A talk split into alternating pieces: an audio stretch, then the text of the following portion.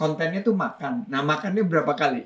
Saya rekor 15 kali, Pak. 15 kali. Iya.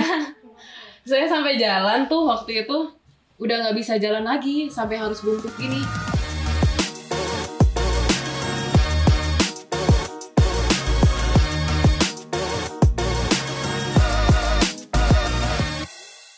Pak Sandi, Uh, gimana kalau kita sebelum ngobrol-ngobrol kita makan dulu? Kuy. Kuy, baru-baru Kuy. kuy. Tapi wow, Ayo, gede Pak. banget ini.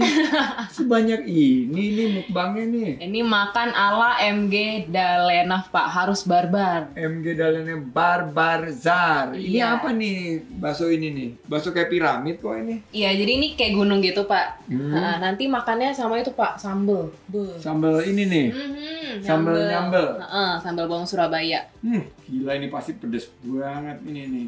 Sambal bawang Surabaya. Terus Betul. ini Itu bakso liwet, pakai nasi liwet. bakso tapi pakai liwet. Iya, Mantap. mantap. Oke, Kalau yang ini kuahnya itu kuahnya kuah cabai rawit. kuah cabai rawit ya. Heeh, Itu yang biasa. Terus ini Kalau ini bakso kenangan, rib mantan. pendengar podcast Ruang Sandi ini lucu banget nih. Ini Rip mantan, rest in peace mantanku dikasih kotak eh, ini ya apa peti mati gitu ya. keren banget, keren banget. Saya cobain dulu ya. Hmm, yang mana dulu ya? Yang mantan dulu. Oh mantan. Oke guys, ini sambalnya cab cabenya gaya cabe nyambo. Ditaruh gini ya, Iya dituang pak. semuanya. Iya semuanya dong pak. Baru kali ini aku ngerjain pas Sandiaga. Sandiaga. Oke, tenang aja. Ada pembalasannya Magda. Aku coba mantan nih. Aku coba mantan. Nggak cocok banget ya. Aku coba mantan nggak ya? Aku coba read mantan. Hmm, enak, enak, enak. Hmm, Pedes nggak pak? hmm pedes. Pedes kan? Pedes. Pedes banget nih. Karena itu sambal terpedas yang aku punya pak. Hmm, Iya. hmm, baru kerasa ketendang. Saya wasabi nih, dung baru ke sini nih. Langsung panas tuh semuanya. Hmm, enak banget. Wangi ya pak ya? Wangi, wanginya nasi liwet ini dari uh, mukbangnya Magda nih dari pusat bakso unik viral fenomenal. Betul. Hmm. Ini UMKM pilihan aku pak favorit Ini aku. jadi UMKM UMKM itu terus dikurasi gitu terus Betul. diajakin collab bareng sama Betul. sama Kak Magda ya. Iya. Oke, kita pakai headphone. Oke. Kak Magda, terima kasih banget sudah nyampe di podcast Ruang Sandi. Sama-sama pak. Saya emang lihat Kak Magda makan ini bikin ngiler banget.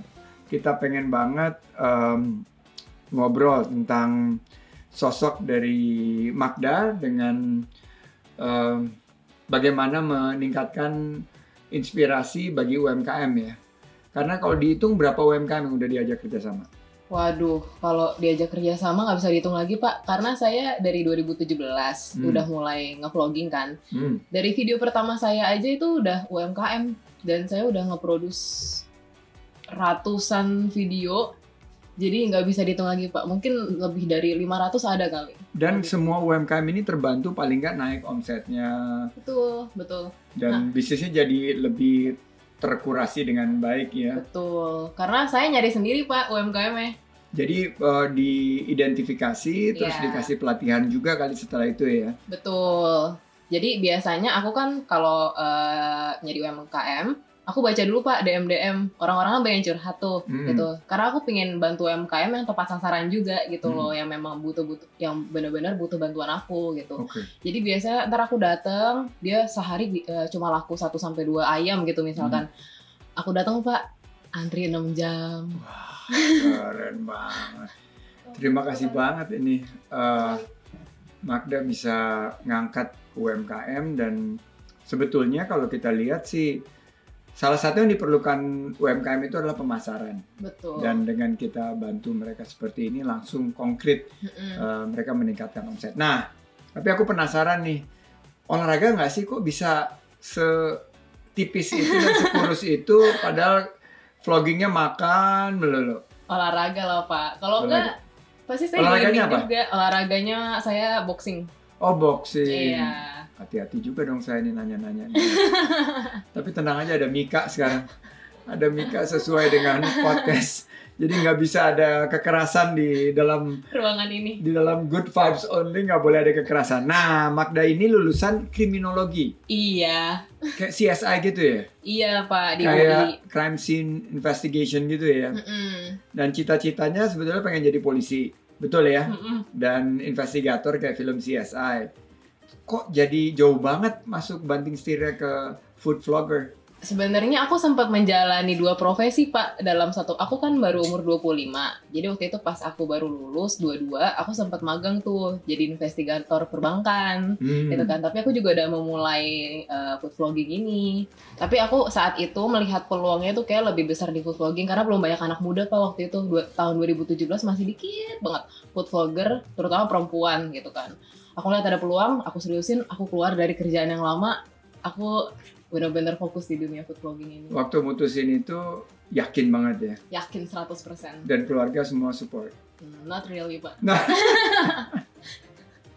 tapi udah pernah punya expectation ya. eh, jadi food vlogger ini akan earn you money gitu. Enggak pak dulu aku masih polos banget Jadi follow your heart 100% ya. Iya, heeh. Jadi benar-benar nggak ada yang dukung waktu itu. Aku bekerja sendiri dan aku kan ngelihat peluangnya nggak hanya dari sisi bisnis sih. Aku dari dulu memang suka makan pak. Satu keluarga tuh benar-benar makannya barbar gitu kan. Dan aku sering eh, keluar kota buat Eh, kulineran. Emang dunia ini nggak adil ya. Kok seneng makan kok nggak menggelinding gitu loh. Biasanya seneng Jangan makan itu lah. sampai. Biasanya seneng makan itu langsung gitu ya. Terus aku ngeliat dulu tuh UMKM belum banyak yang terdigitalisasi pak. Jadi kayaknya wah ini kayaknya eh, bisa jadi peluang bisnis selain eh, sekaligus aku bisa memberikan peran yang baik lah gitu buat orang-orang sekitar aku gitu. Hmm. Ya udah akhirnya aku seriusin gitu. Nah, ciri khas dari Magda ini barbar kui. Apa artinya barbar? Barbar itu kan suku barbar gitu ya. Ya, heeh. Benar itu ya. bener gitu. Jadi kalau perempuan kan pak biasanya makan kayak gini ya kayak gitu. Tahu nggak ibu saya tuh kan eh, adalah guru etika ya. Dia Aduh. punya kelas yang paling laku itu adalah kelas ngajarin makan yang beretiket. gitu. Iya. Ini kalau barbar ini kebalikannya kali. ya. Jangan sampai ketemu saya, Pak. Iya. Nanti saya bisa didudukin. Jadi saya tuh eh, sama sekali nggak jaim. Saya makannya secara barbar, nggak kayak eh, apa ya stigma orang gitu kan. Kalau misalkan makan harus kayak gini, kecil-kecil gitu kan. Saya makannya tumplokin di saya cauk, saya makan gitu. Jadi emang barbar. Pakai tangan.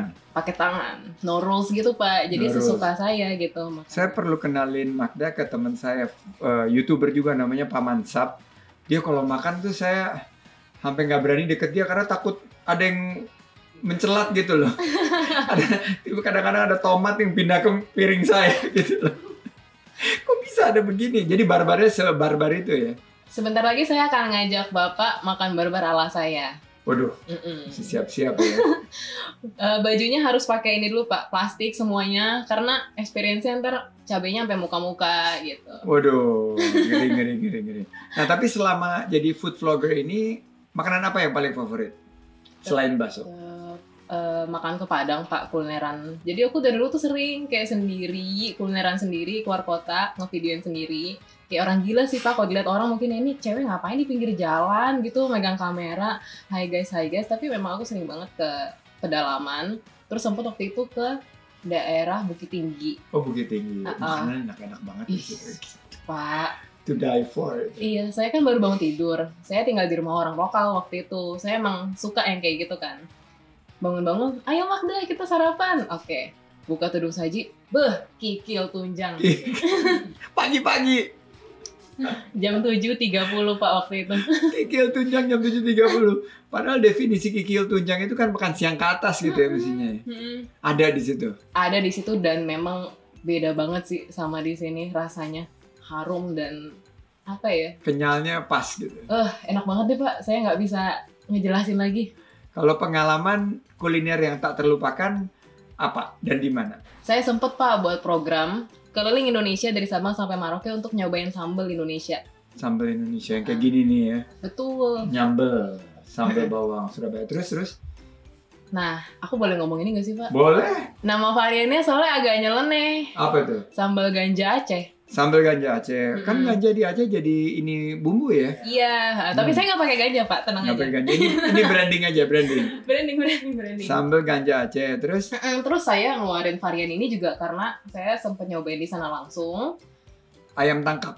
Ayam tangkep pakai ini, buh, barbar, Barbar. barbar. Dan itu Makannya di kursi plastik gitu kali ya kalau di Aceh saya gitu. lesehan Pak, Lesehan. lesehan. Jadi gitu, saya merasa itu aneh Jadi banget. selama keliling dari Aceh sampai Papua tuh sambelnya berbeda-beda Heeh. dan semuanya punya keunikan tersendiri gitu. Betul. ya. Dan Indonesia tuh kaya raya banget ya. Beraneka ragam banget Pak. Heeh. Nah, kalau makanan Indonesia yang paling menarik eh, menurut seorang Magda apa? Kalau saya sih pecinta sambel Pak, Sambal ya. sambel. Perut kuat ya.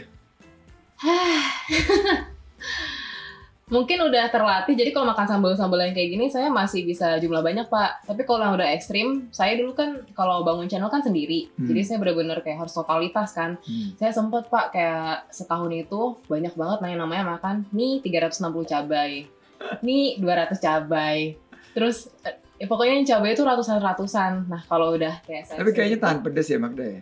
Pak kalau yang saya ekstrim itu saya juga Enggak juga. Paling pedes di mana? Makanan daerah mana yang paling pedes? Aku pernah makan mie 360 cabai itu Pak dalam 5 menit.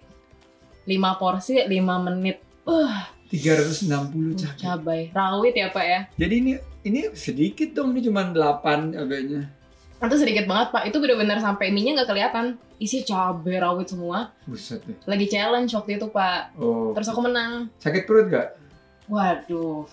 Saya bukan Iron Man Pak untuk Bukan bukan bukan Odading Mangoleh. bukan. Oke, pernah punya masalah pencernaan nggak? Misalnya begah gitu habis makan. Saya lebih Food challenge ke- atau gitu? Ya habis makan ekstrim-ekstrim gitu sih Pak. Pastinya saya masih manusia. Ya otomatis perutnya bisa sakit dua hari. Tapi kata dokter oke ya, Masih fine banget. nggak ada masalah ya. nggak ada masalah. Saya agak sensitif tuh kalau habis em, yang pedes-pedes gitu suka apa gassy dan Oh. em, ya makanya agak ngurangin yang pedes-pedes. Yang ini nggak apa-apa, Pak. Ini nggak apa-apa. Karena yang ini ternyata eh, nendangnya kenceng gitu ya, terus tapi begitu di lebih dikunyah malah enak. gitu. Enak kan? Karena ada bawangnya sama kayaknya ada tomatnya ya, Betul, ada Pak. ada tomatnya juga. Nah, ini penasaran nih. Kalau food vlogger ini sehari makan bisa berapa kali? Kalau saya kan misalnya memberikan materi webinar Uh-uh. karena di bidang kewirausahaan sehari itu bisa 8 webinar gitu. Kalau food vlogger kan kontennya tuh makan. Nah, makannya berapa kali? Saya rekor 15 kali, Pak. 15 kali. Iya. Saya sampai jalan tuh waktu itu udah nggak bisa jalan lagi sampai harus bungkuk gini. Soalnya perutnya tuh benar-benar penuh, Pak. Jadi jalan harus pelan terus bungkuk kalau nggak sakit itu kapasitas maksimum saya Itu di mana? Di Jakarta juga tuh? Ke Semarang. Ke Semarang. Dan kalau di Jawa Tengah itu kan makanannya biasanya makanan berat ya, nasi, Semua berat. Mm-mm. Soto. betul. Terus eh, kayak tetelan apa yang berat-berat kan. Waduh. Itu benar-benar tak terlupakan, Pak, 15 kali. Tapi keliling Indonesia ini unik ya makanannya kayak tadi Semarang, terus eh, Papua, Aceh, Papua tuh papeda ya, Iya.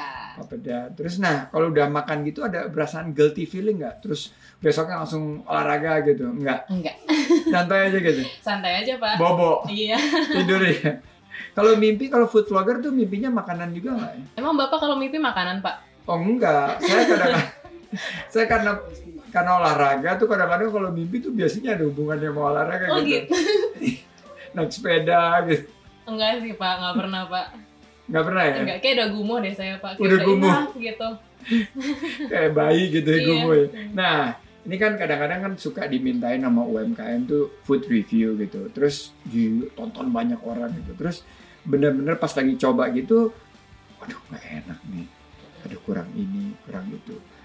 Gimana tuh? Ada perasaan pengen jujur ngungkapin atau biasanya trying to be nice? Aku eh, puji Tuhan sih, Pak, karena aku udah membangun tim.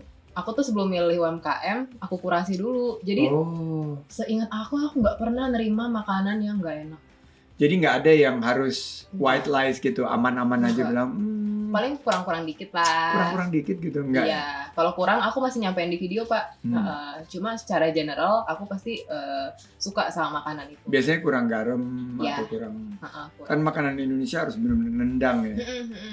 Nah, kalau dilihat kan video atau review udah sering dilakukan nih dan banyak banget ide-ide kreatif di belakangnya.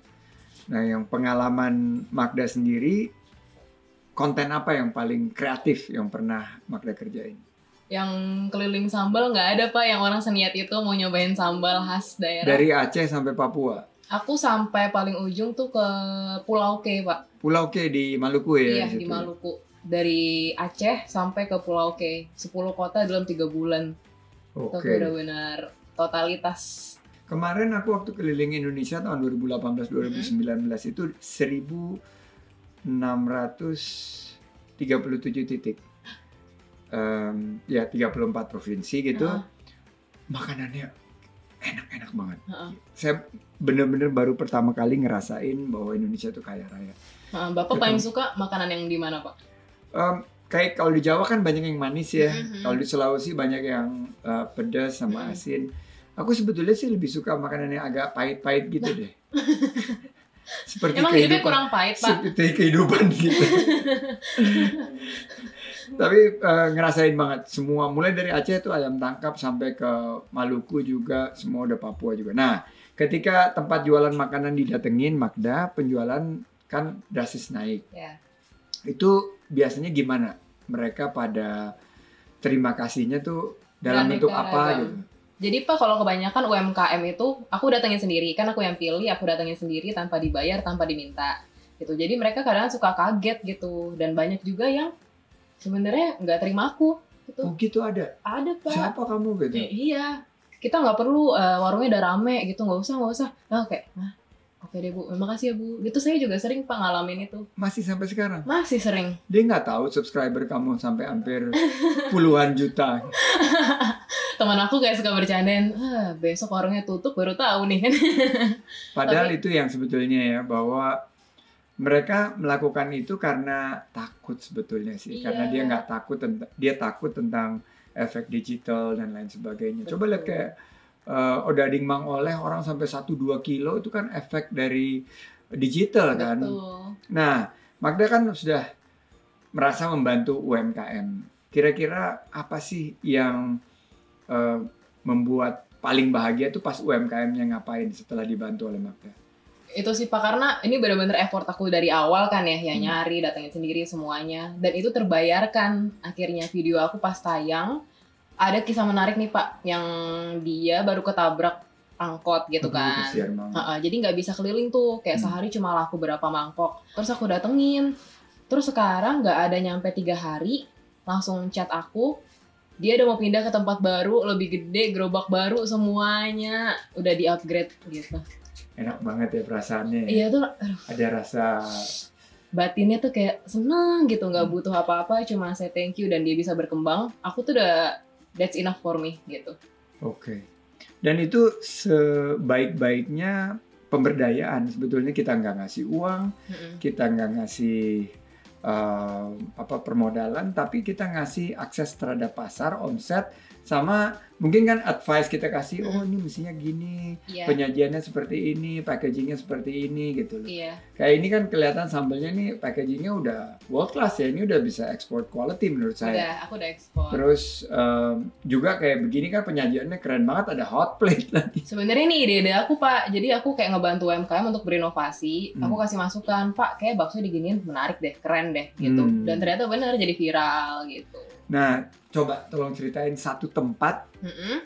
yang viral gara-gara Magda dan itu bener bakso lobster bener ya Bener. bener ya aku Iya. pernah undang di acaraku juga itu Oh. luar biasa tuh bakso lobster coba ceritain gimana Jadi aku pertama tahu di Twitter pak, Hmm. itu belum ramai sama sekali, masih sepi banget. Dah, aku langsung datengin. Itu tuh pas abis PSBB yang tiga bulan kemarin banget pak.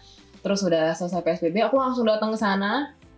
Dikit banget yang beli, bedanya aku tuh aku nggak hanya makanan tapi cerita dan rasa pak. Jadi aku sebelum makan pasti aku nyari tahu ceritanya dulu. Pedagangnya ini ada cerita apa gitu. Terus dia ceritalah kayak eh, dia tuh eh, nelayanin sendiri. Si lobster ini nangkap sendiri gitu dari suaminya. Terus kayak sering dijulitin kayak lobsternya nih lobster mainan katanya gitu lobster bohongan gitu kan.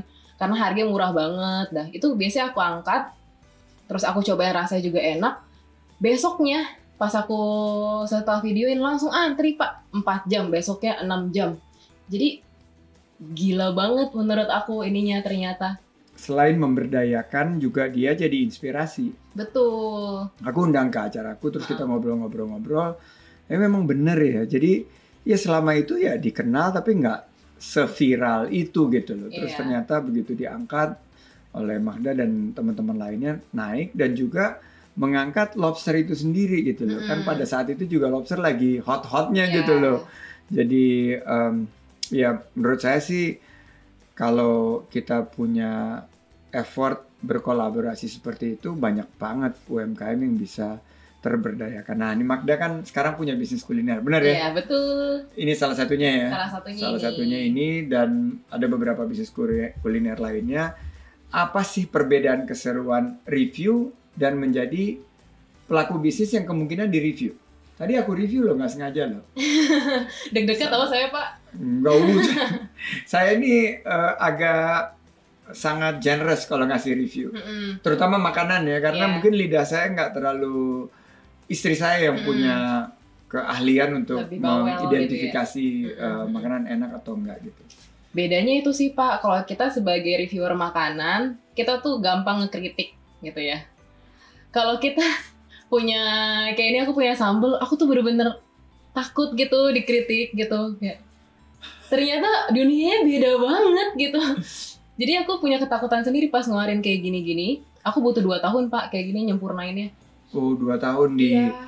apa testing Iya. dulu, terus didengerin FGD dulu kali teman-teman ya.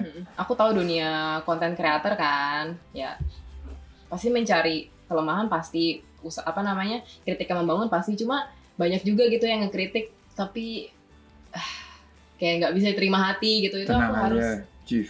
Tenang aja. Yang masih penting susah pak yang penting kita niatnya baik dan Hmm. Kalau aku nganggap orang ngekritik itu terutama yang pedas-pedas itu sebetulnya dia cinta sama kita. Dia pengen kita berubah, kan? Berubah. Dan kita pengen juga berubah dengan lebih baik. Jadi saya nggak pernah tuh eh, kalau misalnya ada yang ini jadi jadi baper gitu Mhm. tapi justru saya bilang apa yang bisa kita perbaiki ya dari komentar yang ini ya?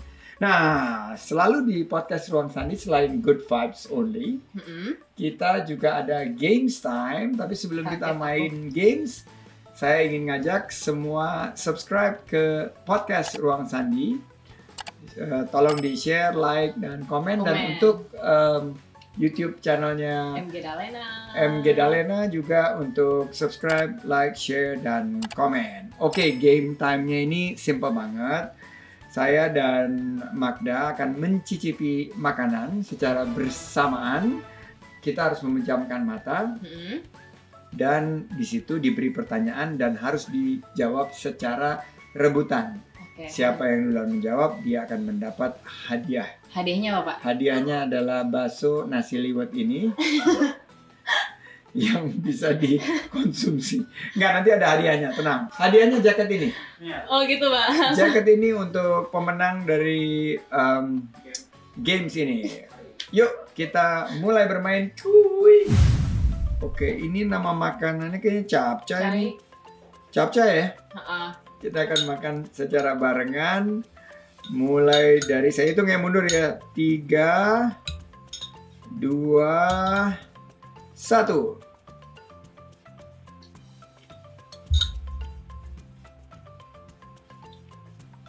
Pertanyaan pertama. Sebutkan tiga komponen makanan yang ada di sayur capcay. Garam, sawi, cumi. aku udang ayam bakso ikan Yeay. Tadi yang menang saya. Mohon maaf sebagai tuan rumah nggak sopan. Skornya SSU 1, MGDA MGDA ya. Magda. Magda kosong. Saya terima aja daripada nggak diundang lagi, Pak. Urap. Tiga, dua, satu. Pertanyaan kedua, sebutkan empat komponen yang ada di dalam makanan urap. Kacang panjang, eh, kol, kelapa, parutan kelapa, dan cabai. Kembali lagi, eh, SSU lead 2-0. Wow, ini adalah soto sapi Ngiler, Pak. Miller. Oke, Pertanyaannya, dari manakah asal soto itu? Dari Jakarta pasti belinya. salah. salah. Ini soto sapi dari Jawa Timur. Oke, Pak. Ini food vlogger gimana ini? Saya tuh mau jawab cuma takut Oke, gitu duluan. skor 3-0. Aduh ini ini saya dikasih ini nih leading nih, tapi kayaknya kayak Manchester United duluan leading terus dikejar balik oleh Magda. Oke, karena ini supaya seru, poin terakhir ini nilainya 4. Ini adalah dessert. Salad buah. 3 2 1.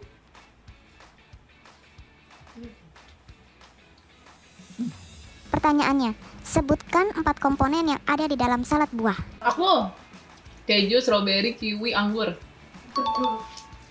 Ya,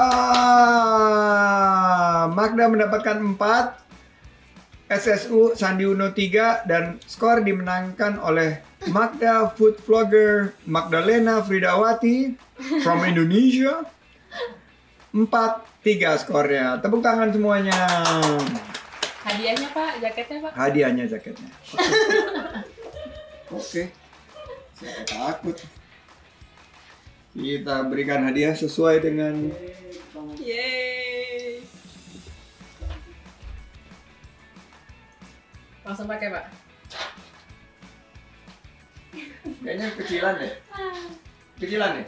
Enggak Pak, pas. Oke, Langsung diterima diterima Nah. dong. keinginan Magda.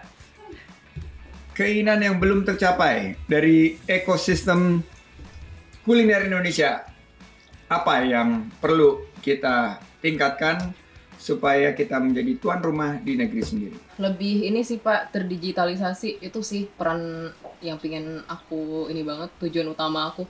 Karena kalau ngeliat dari negara lain tuh kayak street foodnya itu satu lebih higienis. Maksudnya itu semua belajar dari dunia di- digital juga kali ya. Hmm. Kayak banyak eh, ilmu lah yang bisa diambil gitu kan. Karena banyak masukan, orang bisa ngeliat kayak street food di Bangkok gitu Hmm. Pak, street food di Korea itu bersih terus Udah pernah bikin konten juga nggak di luar Indonesia? pernah Pak Pernah. Heeh, dan cukup berbeda sih gitu. Mereka tuh kayak jualan street food aja tuh udah keren banget, udah punya Instagram, terus higienis banget, terus banyak lah yang Yang kita mesti belajar. bisa pelajarin gitu.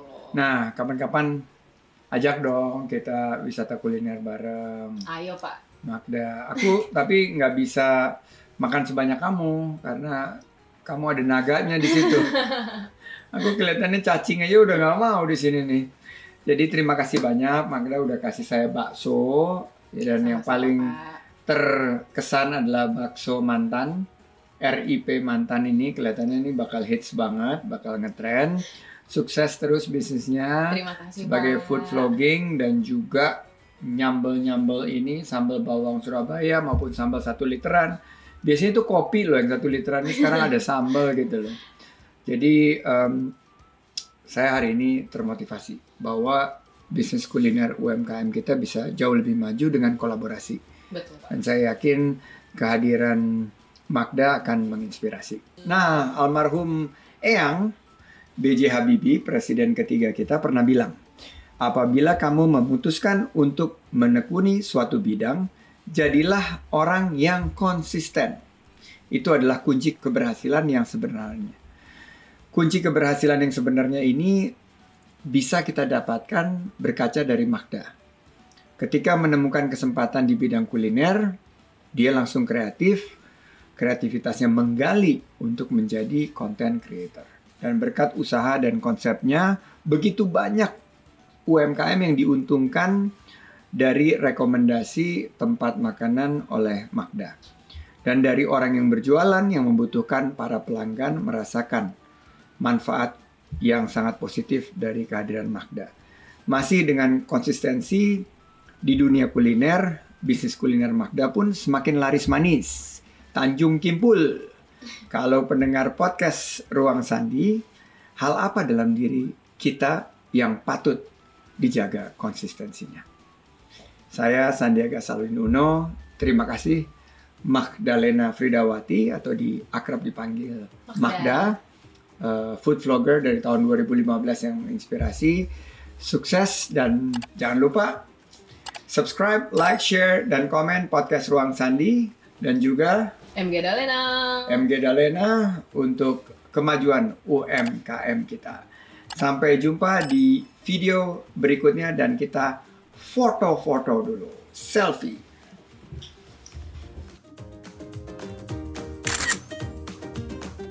Satu, dua, tiga.